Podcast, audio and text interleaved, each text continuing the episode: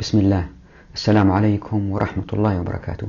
هذه الحلقة 47 من قص الحق وهي الحلقة رقم 12 لتوضيح فصل دولة الناس. توضيح سريع كالعادة توضيحين.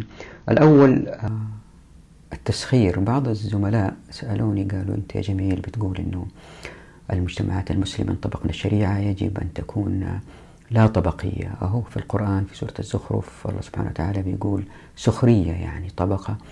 مسخرة لطبقة والحياة تستمر بهذا الوضع لأنه الطبقات تخدم بعض. هذه الآيات لأنها مهمة جدا فوضحتها في فصل الشركة وصعب توضيحها الآن لأنه هناك حيثيات لم تتضح. عندما تتضح ستفهم. اللي حب يقرأ المستعجل هي في صفحة 1201 إلى 1219 19 صفحة. توضح الفرق بين التسخير والتذليل والآن صعب التوضيح لأنه في تركيبة لازم تكون موجودة في المجتمع من في الخطط الولائية والإنتاجية والمكانية. بعدها نقدر نفهم الفرق بين بوضوح بين التسخير والتذليل لكن لإعطاء مثال بسيط. الآن المجتمع الطبقي صعب جدا الواحد إذا كان في طبقة دنيا يطلع لطبقة عليا. هذا ممكن ثبت في بعض الدول الأوروبية والغربية بمجهود كبير واحد يطلع لكن ليس مثل ابن الثري اللي عنده أموال كبيرة ويستمر في الاستثمار من غير ما يتعب في حياته ويبقى في تلك الطبقة وولده أيضا يدخل هارفرد هو الأب يدفع فلوس لهارفرد كمعونة donation يعني أو هبة وبالتالي ولده يصير نفس الشيء محامي كبير وماشي الأمور. فالطبقات شبه ثابتة. رغم أنه أفراد يقدروا يخترقوا الطبقة اللي هم فيه الطبقة أعلى. مع الشريعة الوضع مختلف هي ليست طبقات وهي لكن جماعات تخدم بعض هي تذليلية يعني مثلا أنا الآن سباك يمكن الطبيب يحتاجني أصلح له حاجة في البيت. لما أروح عنده في تلك اللحظة يمكن أنا الأعلى. لأنه هو يحتاجني. ويتغير الحال بعدين لما احتاجه أنا في مرض لا سمح الله أروح له فيصير هو اللي بي أحتاج مساعدته. فصعب توضيحها الآن لكن الآيات سياقها واضح. الخطاب لغير المسلمين. يقول سبحانه وتعالى أعوذ بالله من الشيطان الرجيم. ولما جاءهم الحق قالوا هذا سحر وإن به كافرون. وقالوا لولا نزل هذا القرآن على رجل من القريتين. عظيم. يعني هم الآن بيسألوا المشركين ليش القرآن نزل على محمد صلى الله عليه وسلم؟ يا ريت نزل على واحد ثاني فالقرآن بي بي بيخاطبهم. أهم يقسمون رحمة ربك؟ نحن قسمنا بينهم معيشتهم في الحياة الدنيا ورفعنا بعضهم فوق بعض درجات ليتخذ بعضهم بعضا سخريا. الخطاب كأنه هنا عقاب. ورحمة ربك خير مما يجمعون. شوفوا الآية هذه الآن إيش تقول. التي تليها مباشرة. وشوفوا التصوير الفني البديع المعجز. ولولا أن يكون الناس أمة واحدة لجعلنا لمن يكفر بالرحمن لبيوتهم سقفا من فضة ومعارج عليها يظهرون ولبيوتهم أبوابا وسررا عليها يتكئون. وزخرفا! وإن كل ذلك لما متاع الحياة الدنيا والآخرة عند ربك المتقين. شوفوا التصوير الفني البديع سقفا! السقف هي جمع الجمع سقف أسقف جمعها الأسقف الجمع جمعها سقفا. يعني المجتمع الذي لا يحكم بالإسلام بالتأكيد سيكون في تركيبته طبقي لأن النفس أحيانا وليس دائما تكون أمارة بالسوء لكن هذه النفس القليلة أحيانا تنجذب إليها أنفس أخرى تصير زيها وبالتدريج يضعون الأنظمة والقوانين بحجج مختلفة لحماية البيئة لحماية المجتمع وما إلى ذلك. يضع الأنظمة والقوانين الاحتكارية وتتراكم عندهم الأموال.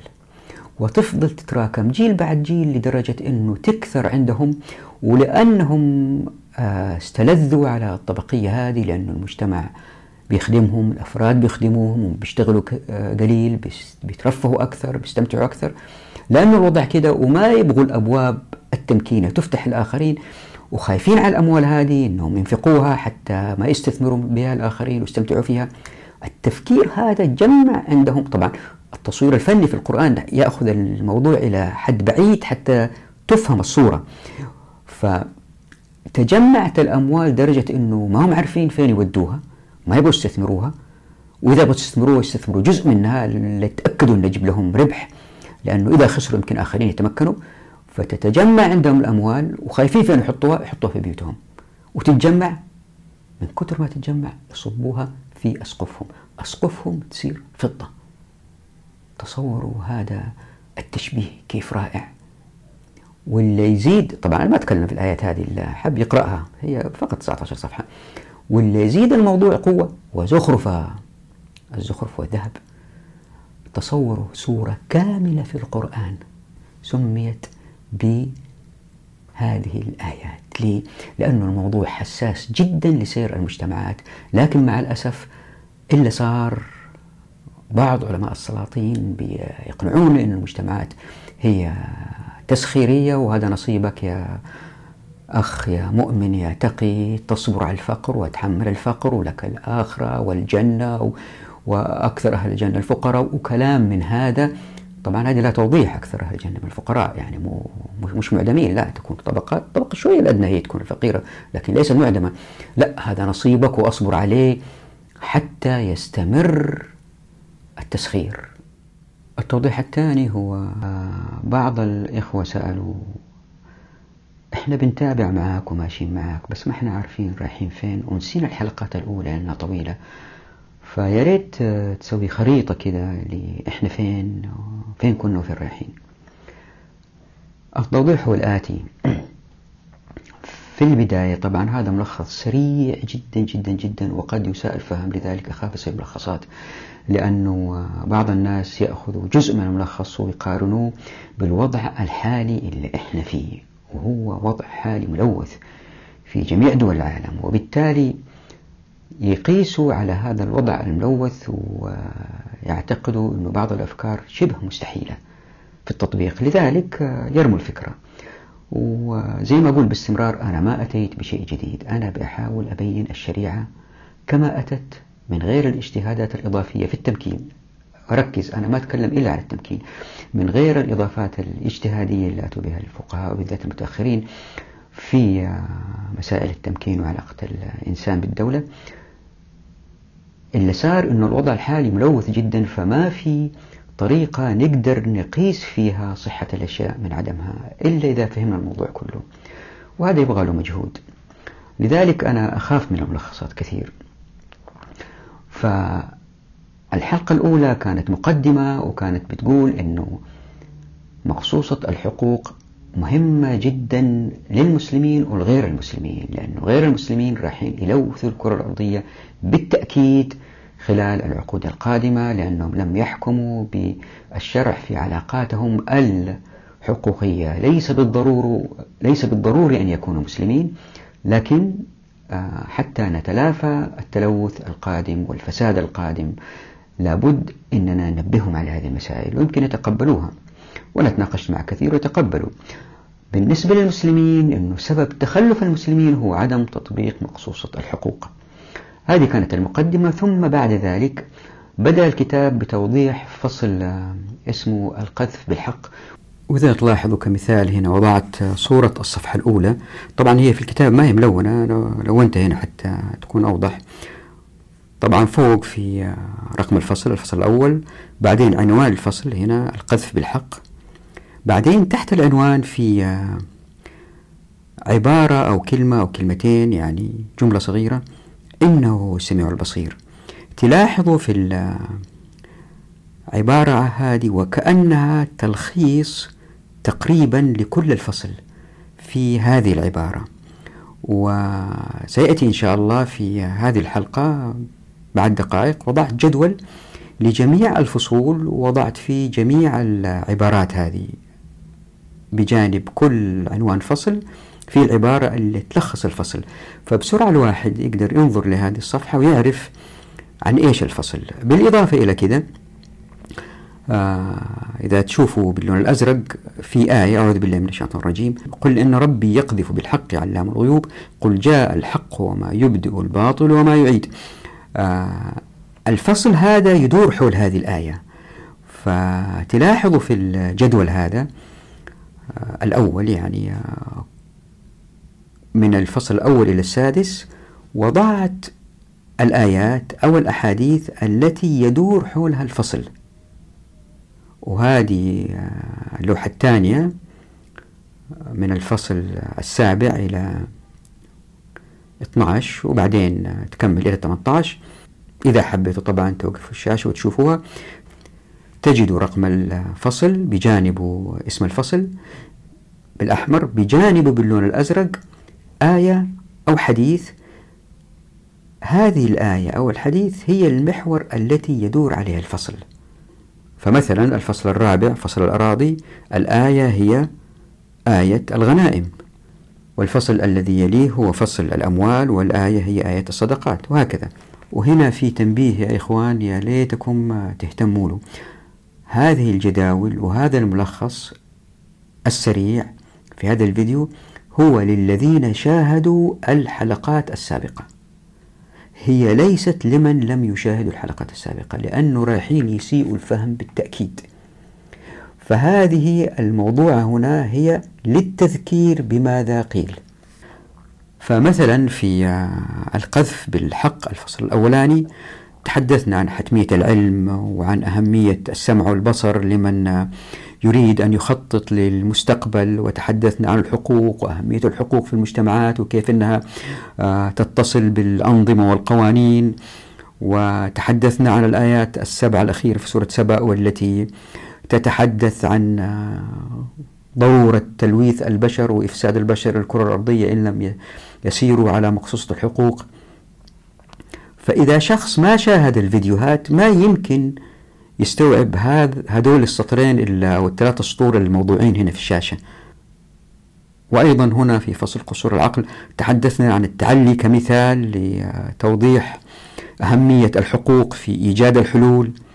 وتحدثنا عن إشكالية وضع الأنظمة والقوانين إذا الشخص لا يعلم الغيب وأن هذا يؤدي إلى الكفر والله أعلم. وحدثنا عن العقلانية والأهواء تحدثنا عن مايكل فوكو تحدثنا عن الثورة الحداثة تحدثنا عن المستقبليات.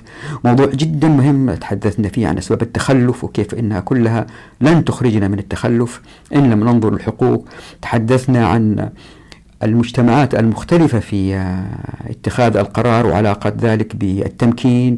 وتحدثنا عن الخلط الكبير الموجود في العالم الغربي بين العقل والتمكين وأن الحداثة آه، ظنت أنها أتت بكل شيء وهي فقط أتتنا بالتمكين وليس بالعقلانية لأن العقلانية متفاوتة بين الناس. مسائل كثيرة يصعب على أي قارئ لهذه الصفحات أنه يفهمها إن لم يشاهد الفيديوهات أو يقرأ كتاب قص الحق. لذلك أنا أخاف جدا جدا من الملخصات.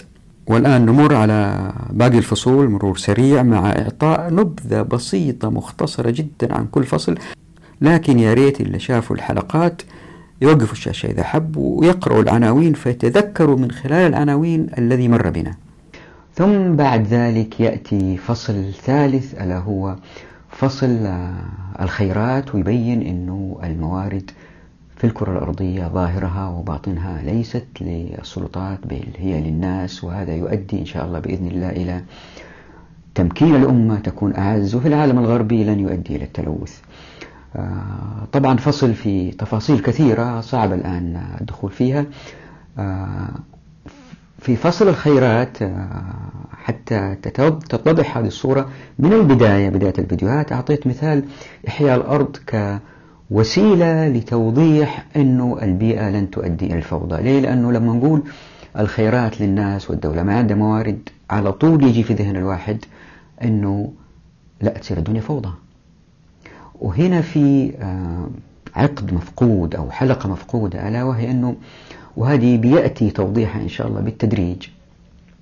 شوية شوية.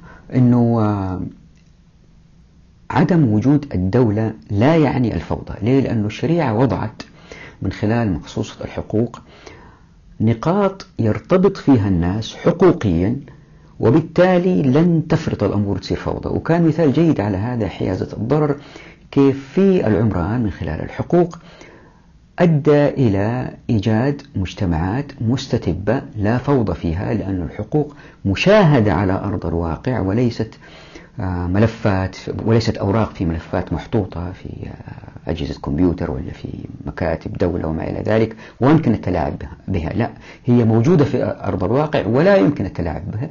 وسيأتي أيضا في فصول قادمة كيف نفس الفكرة التي وضعت في الحقوق بعد إحياء الأرض واللي جعلت الأرض تقريبا قيمتها صفر ومكنت الناس وسكنتهم واستقروا نفسيا. كيف هذه أيضا؟ تعمل في المستوى الاقتصادي.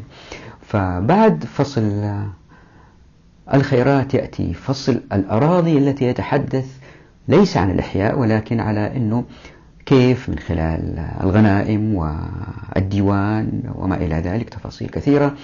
اللي صار أنه العمل العسكري بدأ يصير وظيفة وليس عبادة كما أرادت الشريعة وأنه آه، آه، الأموال التي أدت لبيت المال آه، قسمت كما يجب في الشريعة في عهد الخلفاء لكن لأنه الديوان كان موجود في العصور اللاحقة الأموي ما إلى ذلك أصبح وسيلة للوصول لمناصب من خلال العمل العسكري صار وظيفة صار العسكر في أيدي السلطات وتفاصيل أخرى كثيرة.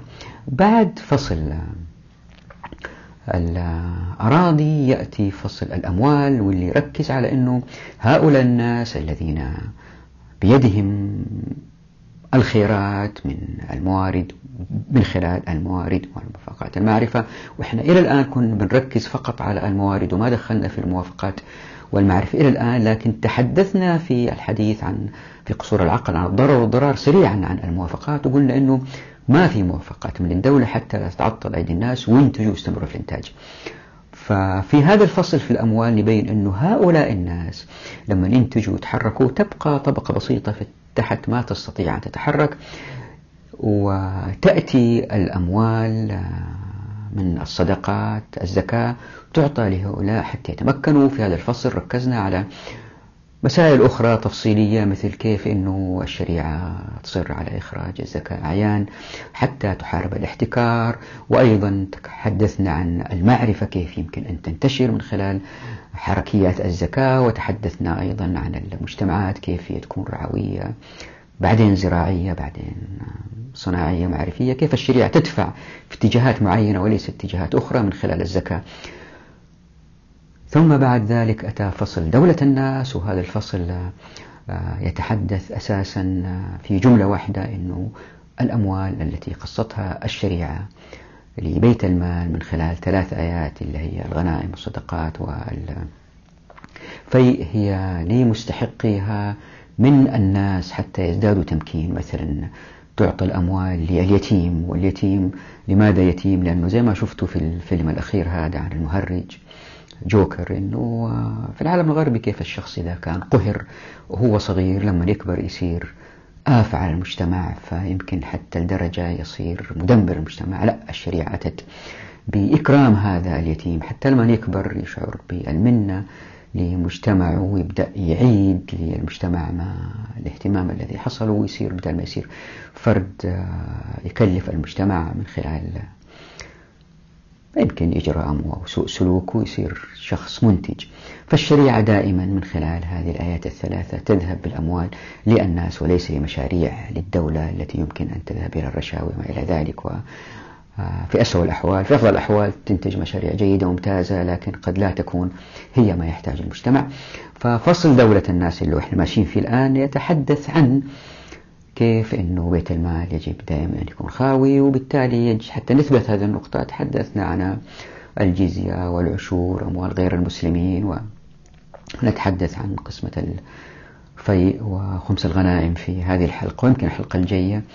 آه ونستمر في هذه المسألة أيضا في الحديث عن الركاز وفي أقوال ذهبت وأموال النفط والألمنيوم والذهب والفوسفات هذه للدولة. آه ندحض هذه المسألة أيضا إن شاء الله بإذن الله بتوفيق الله. ثم يأتي بعد ذلك بعد هذا الفصل فصل القذف بالغيب ولا نبين فيه؟ لا آسف يأتي فصل الديوان وهذا الفصل لأنه موضوع العمل العسكري. عبادة وظيفة مهم جدا وأنا متأكد أنه بعض فقهاء السلاطين رايحين يتحركوا ويقولوا لا يستحيل هذا الكلام. فلها فصل واحد طويل وسألتكم في فيديو سابق تعطوني توجيه الإخوة الثلاثمائة المتابعين باستمرار هل أقفز هذه أو ألخصها في فيديوهات أقل أو إني آه، أشرحها بالتفصيل. آه، ثم بعد ذلك يأتي فصل اسمه القذف بالغيب ويبين كيف العالم الغربي بنقد الرأسمالية والاشتراكية وتنظيم المنظومة الاقتصادية الإنتاجية عندهم من خلال الشركات اللي يملكوها ناس ما يشتغلوا فيها وما إلى ذلك. آه، تفاصيل كثيرة. كيف أنه المجتمع الغربي ضاع وضيعنا معها من خلال القذف بالغيب؟ كل أنظمة وقوانين تقذف بالغيب. إذا تذكروا آه، تفسير الآيات السبع الأخيرة من سورة سبع أعوذ بالله من الشيطان الرجيم. قل إن ربي يقذف بالحق على الغيوب قل جاء الحق. وتكملة الآيات. فإذا تذكروا هذه فالفصل هذا القذف بالغيب ينتقد بشدة ويبين مشاكل الفكر الإنساني سواء كان اشتراكي ولا رأسمالي أو حتى يأتون بفكر جديد كله سيسقط. سيبين هذا الفصل الركائز التي تبين أنه أي نظام من إنتاج العقل البشري قاصر سيسقط لا محالة. ثم يأتي فصل اسمه فصل المكوس ويبين هذا الفصل أنه كيف مع الأسف العلماء المتأخرين بالذات في العالم الإسلامي لأنهم رأوا الدولة تحتاج إلى الأموال والنفقات. بدأوا يلووا أعناق النصوص بحسن النية طبعا بحسن النية. دائما أكرر هذه المسألة بحسن النية. ودائما أكرر أنه لو انتقدت أحد هو ليس انتقاد هو بحسن النية. حتى نظهر الإشكالية اللي إحنا فيها والتخلف اللي إحنا فيه. وما يمكن نخرج منه ألين نحل هذه القضية. أنه نرجع للشريعة كنصوص كما أتت. فبأبين لكم شوفوا فلان قال وفلان قال وفلان قال أربطوا هذه من فين جابها شوفوا هذه من فين جابها هذه اجتهاد على اجتهاد على اجتهاد. ليست مبنية على نصوص. هذا موضوع فصل المكوس وهذه الفصول الثلاثة اللي سألتكم هل يمكن أقفزها ولا لا؟ أو ألخصها أو آه، أشرحها بالتفصيل. ثم بعد ذلك يأتي فصل آه، اسمه ابن السبيل. من هنا نبدأ نشتغل كيف أنه الشريعة طبقت ما الذي يحدث. وهذا فصل حلو يتحدث عن موارد الكرة الأرضية وأن أكثر من أن تنضب و وفي تفاصيل كثيرة حلوة يعني صعب شرحها الآن. بعد هذا الفصل فصل ابن السبيل يأتي فصل الشركة واللي يبين من خلال النظر إلى خمس أنواع من الشركات اللي هي شركة الأبدان المضاربة الوجوه العنان المفاوضة كيف هذه تعتمل تشتغل مع بعض؟ وراح نحصل على منظومة إنتاجية اقتصادية تختلف تماما عن الموجود الآن. آه، صعب شرحها الآن آه، حتى ولو باختصار لأنه قد يساء الفهم ثم بعد ذلك يأتي فصل اسمه الفصل والوصل. وهذا الفصل جدا جميل يتحدث عن كيف أنه العملية الاقتصادية الإنتاجية تشتغل الآن لأنه ما في عملات نقدية زي الموجودة الآن. هي وعد بالسباب بالسداد لا العملية الإنتاجية تتفتت إلى جماعات أصغر ونستنتج الخطط الإنتاجية في هذا الفصل. وزي ما قلت ماضي في الماضي أنه ثلاثة خطط هي الإنتاجية الولائية المكانية. آه، تشتغل بطرق مختلفة تؤدي إلى ازدهار المجتمع وأنه في كتاب عمارة الأرض كان التركيز على الخطط المكانية. في هذا الفصل نتحدث عن الخطط الإنتاجية ثم بعد ذلك يأتي فصل الحكم الذي يتحدث عن الخطط الولائية وكثير كتبوا في فصل الحكم عن الحاكم وانتخابه وما إلى ذلك والتفاصيل هذه. ثم بعد ذلك يأتي فصل الموافقات. وهو فصل يركز على آه، هل للناس لهم الحق في أخذ الموافقات للدولة أو لا؟ أيهما أفضل؟ أن الناس يتصرفوا من غير أخذ الموافقات أو أنه لابد ربطها بالموافقات. ومسألة الضرر والضرار ومرينا عليه سريعا في فصل قصور العقل لكن في هذا الفصل نفصلها أكثر ومع التركيز على كتاب الموافقات للشاطبي والذي مع الأسف رغم أنه كتاب فذ ووضع نية توضيح المقاصد في الشريعة لكن استخدم بطريقة مختلفة من خلال الفقهاء المتأخرين وبدأ يستخدم كأداة في الاجتهاد وبالتالي بدأ نبتعد عن الشريعة كما أتت. فهو فصل فقهي أكثر من أنه إنتاجي. آه، ويمكن تلخيصه في حلقة حلقتين لكن التفاصيل فيه كثيرة. الآن كل الفصول كتبت إلى الفصل 12 الفصل الوصل. الحكم والموافقات وهذه الفصول إلى نهاية الكتاب لم تكتب لأنها آه، موضوعة الآن. كأفكار في نقاط لكن رأيت أني أنشر الموجود لعل الأمة تتغير واحد خايف على نفسه ما يعرف كم يعيش قلت لا أنشر الموجود؟ إذا لاحظت أني آه، وضعت هنا في الشاشة آه، ملخص للفصول وكل فصل حاولت ألخصه في كلمة أو كلمتين أو عبارة. فمثلا فصل القذف بالحق آه، إنه السميع البصير إنه المسألة مربوطة أكثر بعلم الغيب في قصر العقل بأتحدث عن الحداثة بقول هي حداثة أم فساد بحط كلمتين متناقضتين أحيانا حتى الواحد يعني يرى الفرق والفصل رايح فين. وبقول عنوان آخر فرعي اجتهاد أم منزلق. في فصل الخيرات بتحدث عن إحياء الإحياء والمفاتيح. في فصل الأراضي آه، يرتكز أساسا على ملكية بيت المال. وفي فصل الأموال هو أساسا يتحدث عن التحرر. دولة الناس عنوانها الفرعي تحرر أم بيت مال. في الديوان آه، المحور هو هل الديوان ضرورة أم يؤدي إلى السرقات؟ في القذف بالغيب آه، توضيح أنه القذف بالغيب من خلال الأنظمة والقوانين المبنية على الرأسمالية والاشتراكية. الناتج هو شركات أدت إلى الاستعباد والهدر والأمراض النفسية وما إلى ذلك. في هذا الفصل نتحدث عن القيم والنظم والمعرفة ونتحدث عن الثقة والثورة الصناعية. وفي هذا الفصل موضوع مهم جدا جدا جدا لتوضيح فكرة الكتاب آه، عن الضروريات والحاجيات والكماليات هذه الأشياء اللي تنتجها الشركات وينتجها الأفراد آه، مدى توفرها في المجتمعات وكيف أنه تتغير تركيبة المجتمع الإنتاجية إذا ركزنا على هذه طبقات من المنتجات هل هي من الضروريات أو الحاجيات أو الكماليات؟ نتحدث أيضا في هذا الفصل عن الكفاءة والعدالة والاحتكار والحيرة الذي وقع فيها الغرب في الاشتراكية ونتحدث على النظرة الكينزية ودولة الرفاهية في الدول الإسكندنافية وننتقد كل هذه التوجهات والاقتصاد الكلاسيكي الجديد ونتحدث عن القواعد الغريزية التي موجودة في البشر وكيف يمكن هذه تؤثر في أو تتفاعل مع النظريات الاشتراكية والرأسمالية وكيف هذا يؤدي إلى الرقي والسعادة أو التعاسة. ونتحدث عن طاقة الذات واحترام الذات وتحقيق الذات والهموم والأمراض التي تنتج من هذه النظم البشرية الأمراض اللي هي اللي تؤدي إلى الستريس أو الإجهاد النفسي والهموم. وطبعا فصل المكوس آه، عنوان الفرعي اجتهاد أم قذف بالغيب ويتحدث عن الأصول المنتجة العقل والوسطية وتدخل الدولة. وهذا الفصل يركز على كيف الدولة بدأت تقوى وكيف بدأت تفرض الضرائب والضرائب بدأت تتأسلم. والعنوان الفرعي لابن السبيل هو انتشار أم ازدحام والعنوان الفرعي لفصل الشركة هو كفاءة أم تواكل. تذليل أم تسخير في فرق شديد بين التذليل والتسخير؟ والعنوان الفرعي لفصل الفصل الوصل هو نقاط عدل أم مستويات ظلم. الشريعة تؤدي إلى نقاط يتلاقى فيها الأفراد إن اختلفوا آه، تحل هذه المشكلة. وليس كالفكر الغربي أو وضعنا الحالي باستخدام العقل البشري القاصر الذي غير الشريعة أنه هي فيها مستويات من الظلم من خلال الأنظمة والقوانين ونتحدث في هذا الفصل عن الخطط الإنتاجية ومقارنة أو عكسها الكتل الاقتصادية اللي هو وضعنا الحالي. والعنوان الفرعي زي ما أنتم شايفين لفصل الحكم هو عالم أم أمير. ثم بعد ذلك فصل الموافقات.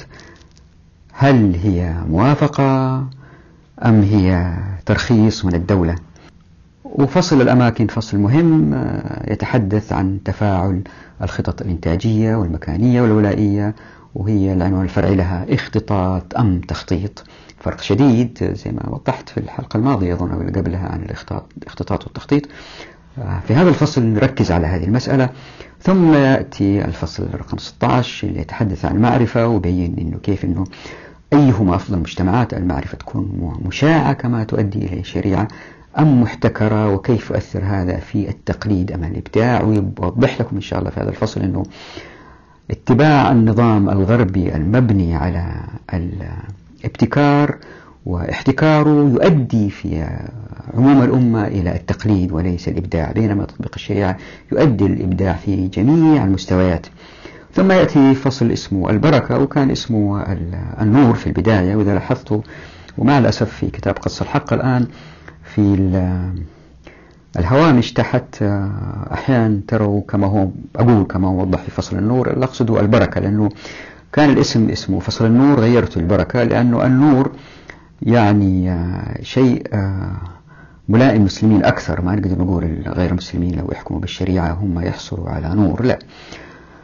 فالفكرة أنه لأنه جميع البشر إذا طبقوا مخصوص الحقوق ستأتيهم البركة سواء كانوا مسلمين أو ليسوا مسلمين. لذلك سميتها البركة, البركة وتركز كثير على الإنفاق وعلى الحركيات التي تصل المنتجين مع بعض وتتكلم على صفقات البيع والحقوق.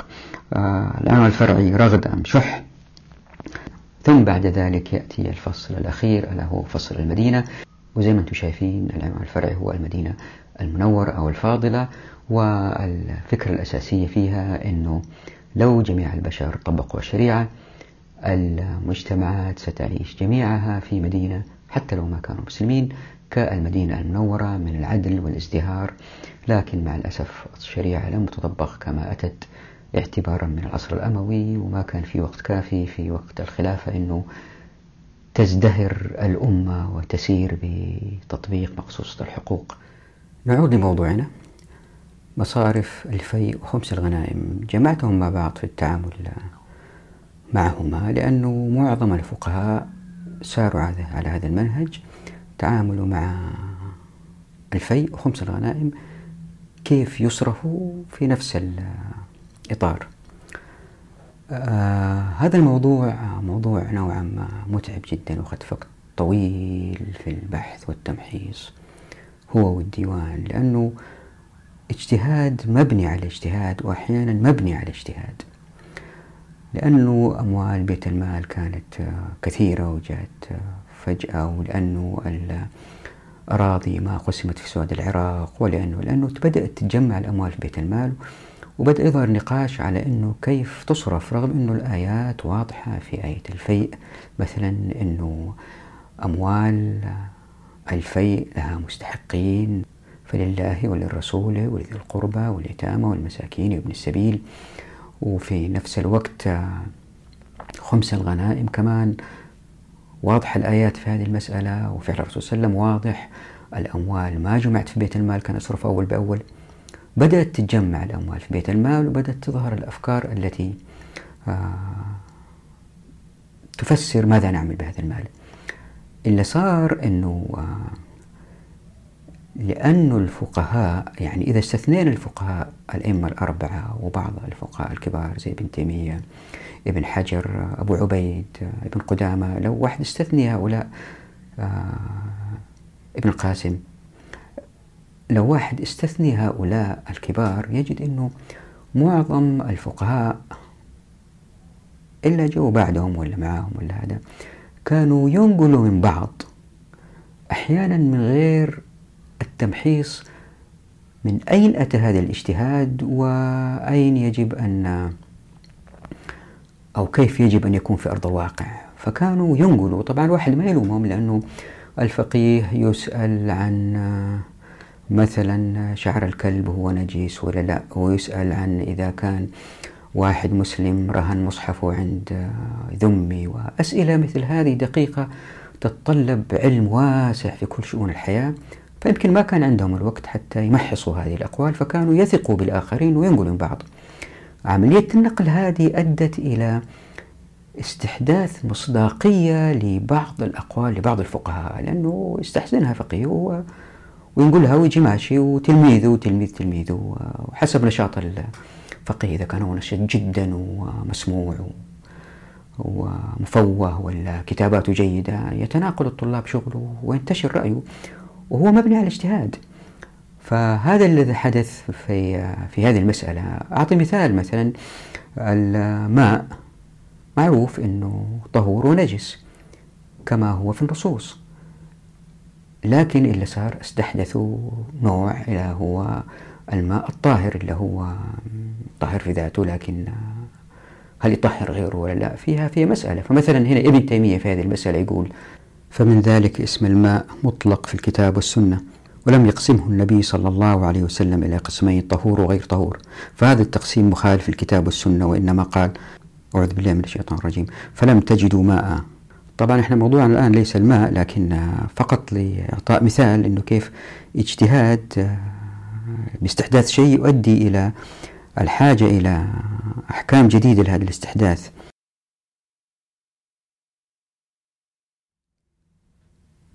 مصارف الفيء وخمس الغنائم إذا الواحد يقرأها في البداية يحس أنها واضحة لكن لما يقارن الكتابات المختلفة يجد أنها بالفعل مبهمة. وضعت لكم هنا ثلاث نصوص من القرطبي والمجموع المدونة الكبرى. إذا قارنتوها راح تلاحظوا الاختلافات الكبيرة بينهم. فمثلا جاء في تفسير القرطبي في مصرف الفيء وخمس الغنائم. وقال ابن أبي نجيح المال ثلاثة مغنم أو فيء أو صدقة. ويكمل يمشي في النص لكن إذا كان قرأت النص بتمعن تلاحظ في النص أنه يعطي الإمام حقوق واسعة في التصرف في الفيء وخمس الغنائم. مثلا في قوله فأما الفيء فقسمته وقسمة الخمس سواء والأمر عند مالك فيهما إلى الإمام. فإن رأى حبسهما لنوازل تنزل بالمسلمين فعل. وإن رأى قسمتهما أو قسمة أحدهما قسمه كله بين الناس وسوى فيه بين عربيهم ومولاهم ويبدأ بالفقراء من رجال ونساء حتى يغنوا ويعطوا ذوي القربى من رسول الله صلى الله عليه وسلم من الفيء سهمهم على ما يراه الإمام وليس له حد معلوم واختلف في إعطاء الغني منهم فأكثر الناس على إعطائه لأنه حق لهم يعني شوفوا هنا في النص نظرا لكثرة الأموال آه ظهر رأي أنه المال يحبسوه في بيت المال تحسبا لنوازل مستقبلية وهذه زي ما شفنا في الحلقات الماضية ما كان فعل الرسول صلى الله عليه وسلم ولا فعل الخلفاء. وفي النص أيضا حق لإعطاء الأغنياء من أموال الفيء. وهذا زي ما وضحت سابقا وضع مستحدث جدا. ليه؟ لأنه آه إن طبقنا الشريعة أموال الفيء تكون قليلة جدا في بيت المال. المثال الثاني من كتاب المهذب وتلاحظوا في النص أنه جزء من أموال الفيء تصرف للمقاتلة كأرزاق حتى يتفرغوا للقتال. وهذا طبعا شيء ما فعل الرسول صلى الله عليه وسلم. فزي ما قلنا أنه المال يأتي للمجاهد بعد المغنم يعني بعد النصر وليس قبل الذهاب للمعركة. جاء في المهذب باب قسم الفيء. الفيء هو المال الذي يؤخذ من الكفار من غير قتال وهو ضربان. واستمر في الوصف طبعا وحتى ما نطيل ما نبغى نقرأ كل هذه النصوص اللي حب يوقف طبعا آه، ويقرأ. النص الثالث آه، من المدونة الكبرى جاء فيه في قسم الفيء وأرض الخراج والخمس قلت أرأيت الفيء كيف يقسم؟ وهل سمعت من مالك فيه شيئا؟ قال قال مالك الفيء والخمس سواء يجعلان في بيت المال. قال وبلغني عمن أثق به أن مالكا قال ويعطي الإمام أقرباء رسول الله صلى الله عليه وسلم على قدر ما يرى ويجتهد. واللي يقرأ هذه النصوص هو عنده دراية كافية بالقرآن والسنة وتفسيرهم وأفعال الرسول صلى الله عليه وسلم يستنتج أنه بعض هذه الأقوال هي هي اجتهاد ليه؟ لأنه في الديوان وفي جند يبغى لهم أرزاق ومن أين تأتي الأرزاق؟ إذا يجب أن يحبس المال وعارفين باقي القصة.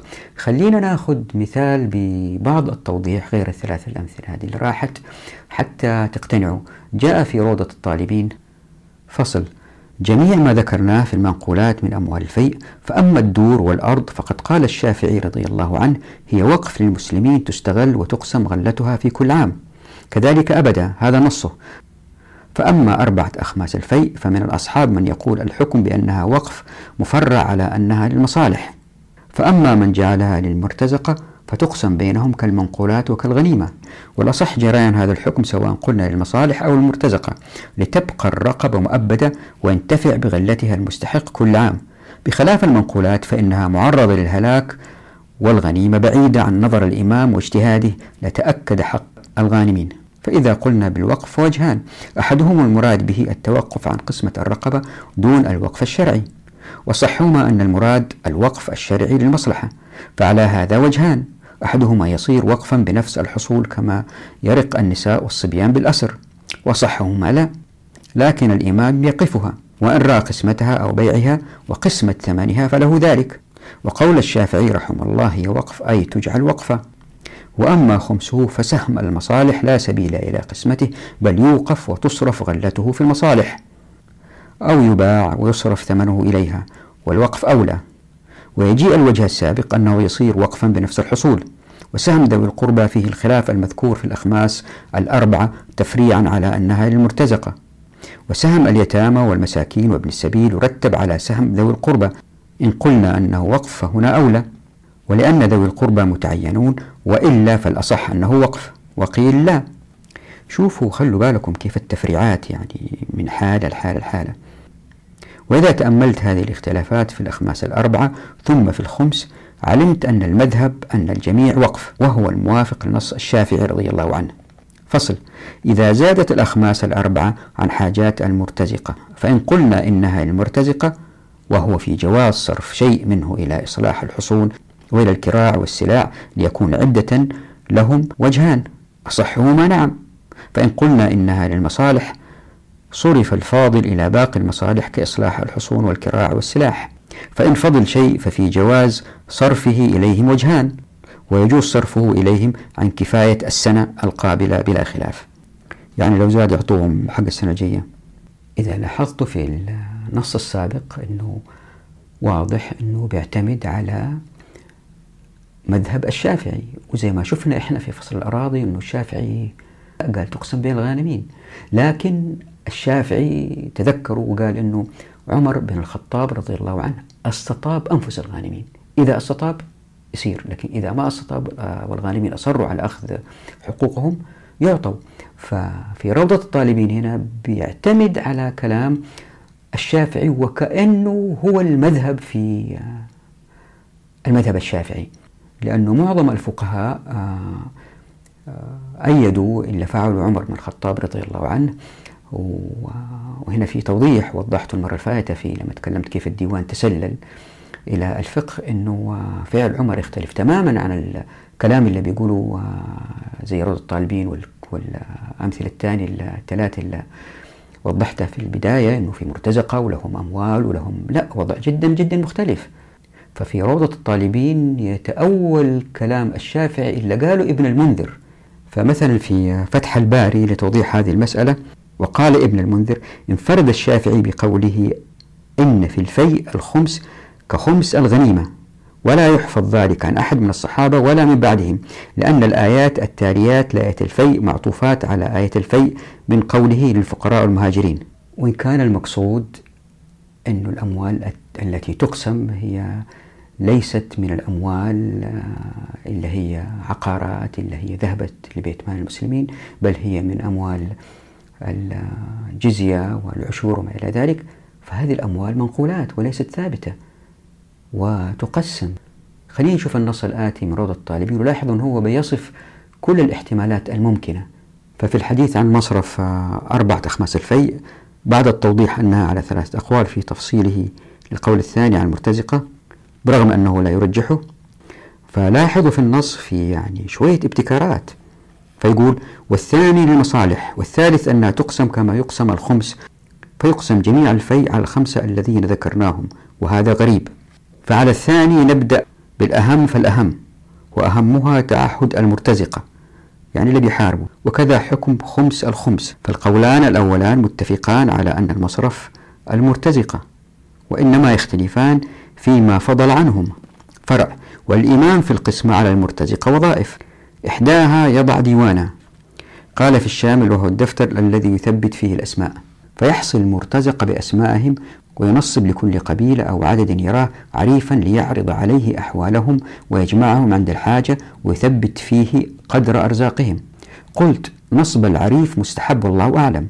الثانية يعطى كل شخص قدر حاجته فيعرف حاله وعدد من في نفقته وقدر نفقتهم وكسوتهم وسائر مؤنتهم. ويراعى الزمان والمكان وما يعرض من رخص وغلاء وحال الشخص في مروءته وضدها وعادة البلد في المطاعم. فيكفيه المؤونات ليتفرغ الجهاد فيعطيه لأولاده الذين هم في نفقته أطفالا كانوا أو كبارا. وكلما زادت الحاجة بالكبر زاد في حصته. وهل يدفع إليه ما يتعهد منه الأولاد أم يتولى الإمام تعهدهم بنفسه أو بنائب له؟ يعني هل يعطوا الراجل هذا المقاتل أموال عشان يدفعها لأولاده ولا لا؟ يقولوا لا أنت قاتل هذا لك والإمام يتولى أولادك. أو واحد ينوب عن الإمام. فيه قولان. أظهرهما الأول. يعني تفرعات عجيبة غريبة ما لا أصل أبدا لا في الكتاب ولا في السنة. وحكى الحناطي وأبو الفرج أزاز وجها أنه لا يعطي الأولاد شيئا لأنهم لا يقاتلون وهذا شاذ ضعيف. وأظن أنه من المناسب أن أتوقف هنا عن القراءة لأنه بعضكم إذا لم يكن طلاب العلم آه، قد يمل من المتابعة. لكن لاحظوا إذا كان أكملت القراءة ستلحظوا أنه ظهور مستجدات جديدة لم تكن موجودة على عهد السلف أسئلة فقهية عجيبة لم تكن موجودة تماما مثل يعني إذا كان شخص توفى هل أهله يأخذوا المرتب عنه لكامل السنة أو نصف السنة؟ مثل إذا واحد عنده مكان واحد في السجلات ويبغى يختار أحد المقاتلين يختار مين وبناء على أي أساس؟ فتوضع المعايير لكل هذا. اللي بيصير أنه الأفراد متخذي القرار بيوضعوا في مواضع لهم الحق في استحداث نوع من المفاضلة بين زيد وعبيد. الآن إذا أتت الشريعة لإيجاد أمة مترامية الأطراف لازم لازم تكون صالحة لكل الأزمان ولكل الأماكن. فالسلطان في العاصمة وخلينا نقول هو شخص نزيه واللي حوله مثلا أيضا نزيهين فقرارات آه، مثل هذه يعطيها أو يتركها إلى مساعدين والمساعدين المساعدين ألين تصل للشخص المسؤول في القرية أو في الثغر أو في المدينة وهذا الشخص في الأخير يتخذ القرار. فهل هو يعطي النفقة للشخص اللي عنده زوجتين زي زوجة وقديش يعطي؟ و هذه المسائل تؤدي إلى مشادات تؤدي إلى أحيانا حقد وضغينة لأنه عادة الناس يشعر بالظلم. يعني واحد اتدرب واجتهد وولد جندي مثلا أتدرب واجتهد وأتقن كل شيء وبعدين ما ياخذوا ياخذوا ابن واحد ثاني فما راح يقول لا أنا ما ماني قوي زي هذاك أو شجاع زي ذاك لا. يقول والله واسطة.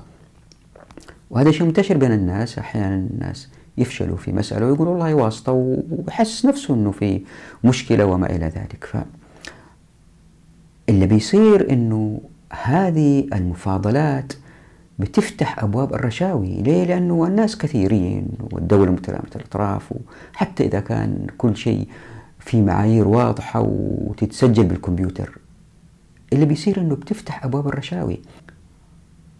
هذه كارثة يا إخوان والشريعة ما أتت هكذا أبدا. أتت الشريعة بقفل هذه الأبواب بقص الحق بجذها من جذورها. الغنائم تؤخذ في الموقع والكل يرى ما في حاجة بيني وبينك زي ما تصير في السجلات. السجلات ما يشوفها الجميع زي الغنائم التي تقسم في الموقع أمام الجميع. الزكاة تعطى بقرار فردي شخصي هو الذي يقرر يعطي كل أموال زكاته لجهة واحدة ولا يقسمها بينهم بالتساوي أو بالمفاضلة. هذا قراره هو وما حد يقدر يناقشه فيه في قراره. لكن المال العام يؤدي إلى كثير من المساءلات. وتبدأ الرشاوي والنفوس الضعيفة تلعب دورها في هذه المسائل. وهذول بتقادم الزمن يزدادوا كل ما زاد المال العام. هذه المسألة الأولى أو الملحوظة الأولى. والملحوظة الثانية هي الآتي وهي تنقسم أيضا إلى ممكن قسمتها إلى ملحوظتين. تلاحظوا من هذه الأقوال وإذا كان قرأتها بتمعن أو في أماكن أخرى كتب أخرى تلاحظوا أنه اتفاق بين الفقهاء إنه أول شيء الأموال تذهب للمرتزقة وهذول اللي بيحاربوا متفرغين للقتال وفي اختلافات بينهم كيف يعطوهم مرة مرتين في السنة أو آه، له لابنه لي آه، إذا ابنه بيرافقه آه، المبلغ يزيد ينقص يعني شغلات زي تفاصيل زي هذه. وإيش عنده أسلحة وكيف هو ماهر في القتال الاختلافات الثانية طيب بعد ما المرتزقة يأخذوا أموالهم كيف نصرف الباقي؟ وطبعا زي ما شفنا في الحلقات السابقة هذه كلها أشياء مستحدثة. الرسول صلى الله عليه وسلم كان ما يخزن المال في بيت المال أبدا وهذه مهمة جدا وأذكر فيها مرارا حتى لو الرسول صلى الله عليه وسلم أو الحاكم أول ما يأتي المال ينفق لأي واحد يقابله يعطيه لأي واحد يعطيه للناس الشريعة وضعت منظومة حقوق بخصوص الحقوق زي ما راح نشوفه اضطر الشخص إنه ما يجد أشياء يقدر يستثمر فيها في الرفاهية لأن المجتمع كله مركب بطريقة راح نتكلم إن شاء الله في الضروريات والحاجيات والكماليات عن المنتجات الموجودة في الأسواق. أكثرها من الضروريات وقلة من الكماليات لأنه اللي ينتج الكماليات ما يبيع لأنه معظم السواد العظم من الناس يشتروا الضروريات وتكون الضروريات بمستوى عالي من الجودة لأنه آه، متقاربين الناس في الدخل. تفصيل هذه إن شاء الله تأتي في فصل آه، الشركة والفصل الوصل. اللي يصير إنه هذا حتى لو أخذ المال من الرسول أو الحاكم دفعة واحدة ما راح يستفيد كثير فيضطر انفقها بالطريقة التي تؤدي إلى توزع الثروة في المجتمع. أرجع الموضوع فعل الرسول صلى الله عليه وسلم إنفاق المال مباشرة. إنفاق المال مباشرة. حتى لو أعطي لأي إنسان غير مستحق مثلا لا سمح الله طبعا لن يفعل الرسول صلى الله عليه وسلم ذلك ولا الحاكم يعطون المستحقين. على فرض أعطت لغير مستحق. ضرر هذه أخف بكثير من جمع المال لنصرفه في خير. لأنه متى ما اجتمع المال ضرر شديد للأسباب الثلاثة اللي تحدثنا عنها في أول حلقة من فصل دولة الناس. هذه مقدمة سريعة عن مصارف الفيء وخمس الغنائم ولأنه أطلنا يجب أن نقف وإن شاء الله في الحلقة القادمة ننهي هذا الجزء وهو موضوع شوية صعب ويمكن تأخذ حلقتين المسألة هذه وبعدين نخش في القسمة والتفاضل والهذا. هذه شوية شوية صعبة فإلا ما يبغى يعني يمكن يشوف أول دقيقتين ثلاثة أحاول ألخص ويترك الفيديو. لكن طلاب العلم آه، الله يحييهم واستفيد من انتقاداتهم وآرائهم. نراكم على خير. في أمان الله ودعواتكم.